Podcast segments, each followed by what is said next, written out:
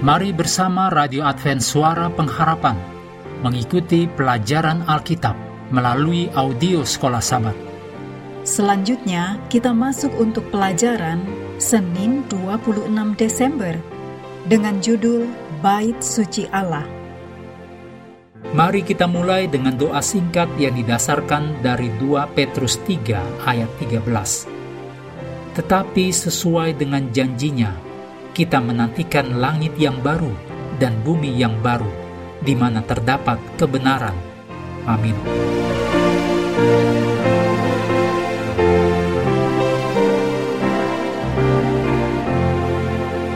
Beberapa orang mengatakan bahwa surga itulah bait suci Allah. Tetapi kitab Wahyu mengatakan bahwa bait suci ada di dalam Yerusalem baru, di mana tahta Allah dan lautan kaca berada.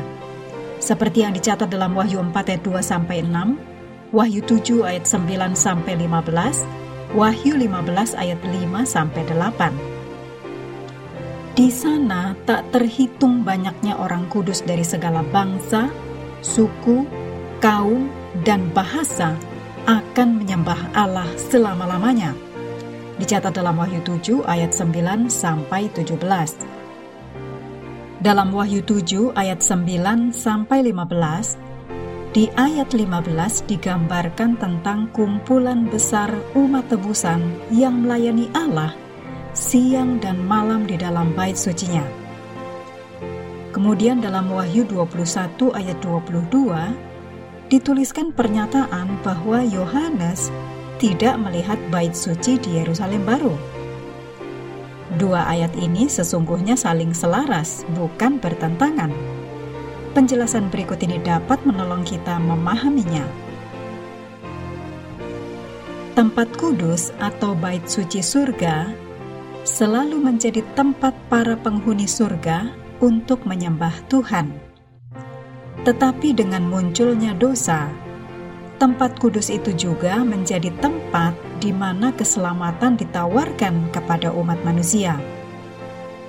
Berikut ini yang dituliskan oleh Richard M. Davidson dalam The Sanctuary to Behold the Beauty of the Lord.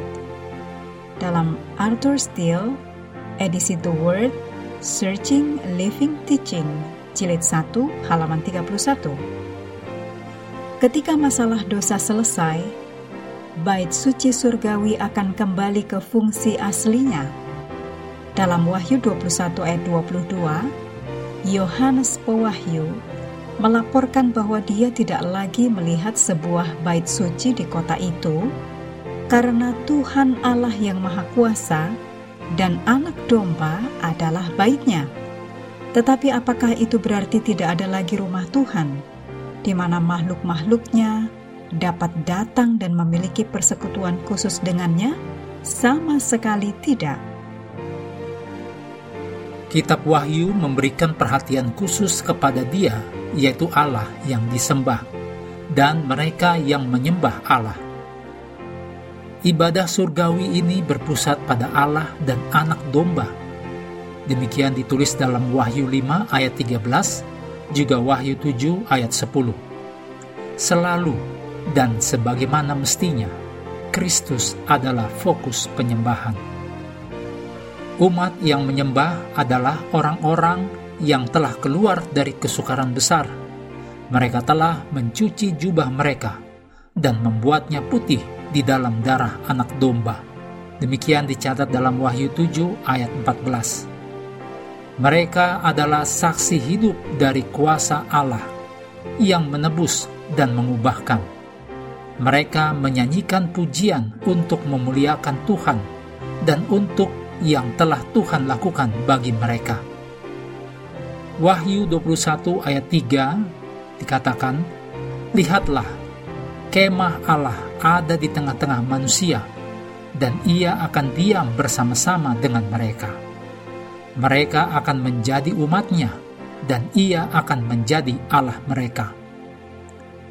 Ayat ini mencerminkan banyak ayat-ayat lain di Yeremia 32 ayat 38, juga Yehezkiel 37 ayat 27, Zakaria 8 ayat 8, dan Ibrani 8 ayat 10. Bagi kita sekarang yang masih di bumi ini, kita perlu menjalani kebenaran yang menakjubkan ini sekarang, bahwa Allah akan menjadi Allah kita, dan kita akan menjadi umatnya. Mengakhiri pelajaran hari ini, mari kembali ke ayat hafalan kita dalam Wahyu 1 ayat 17 dan 18. Ketika aku melihat dia, tersungkurlah aku di depan kakinya, sama seperti orang yang mati. Tetapi ia meletakkan tangan kanannya di atasku, lalu berkata, Jangan takut, aku adalah yang awal dan yang akhir dan yang hidup. Aku telah mati, namun lihatlah, aku hidup sampai selama-lamanya. Dan aku memegang segala kunci maut dan kerajaan maut.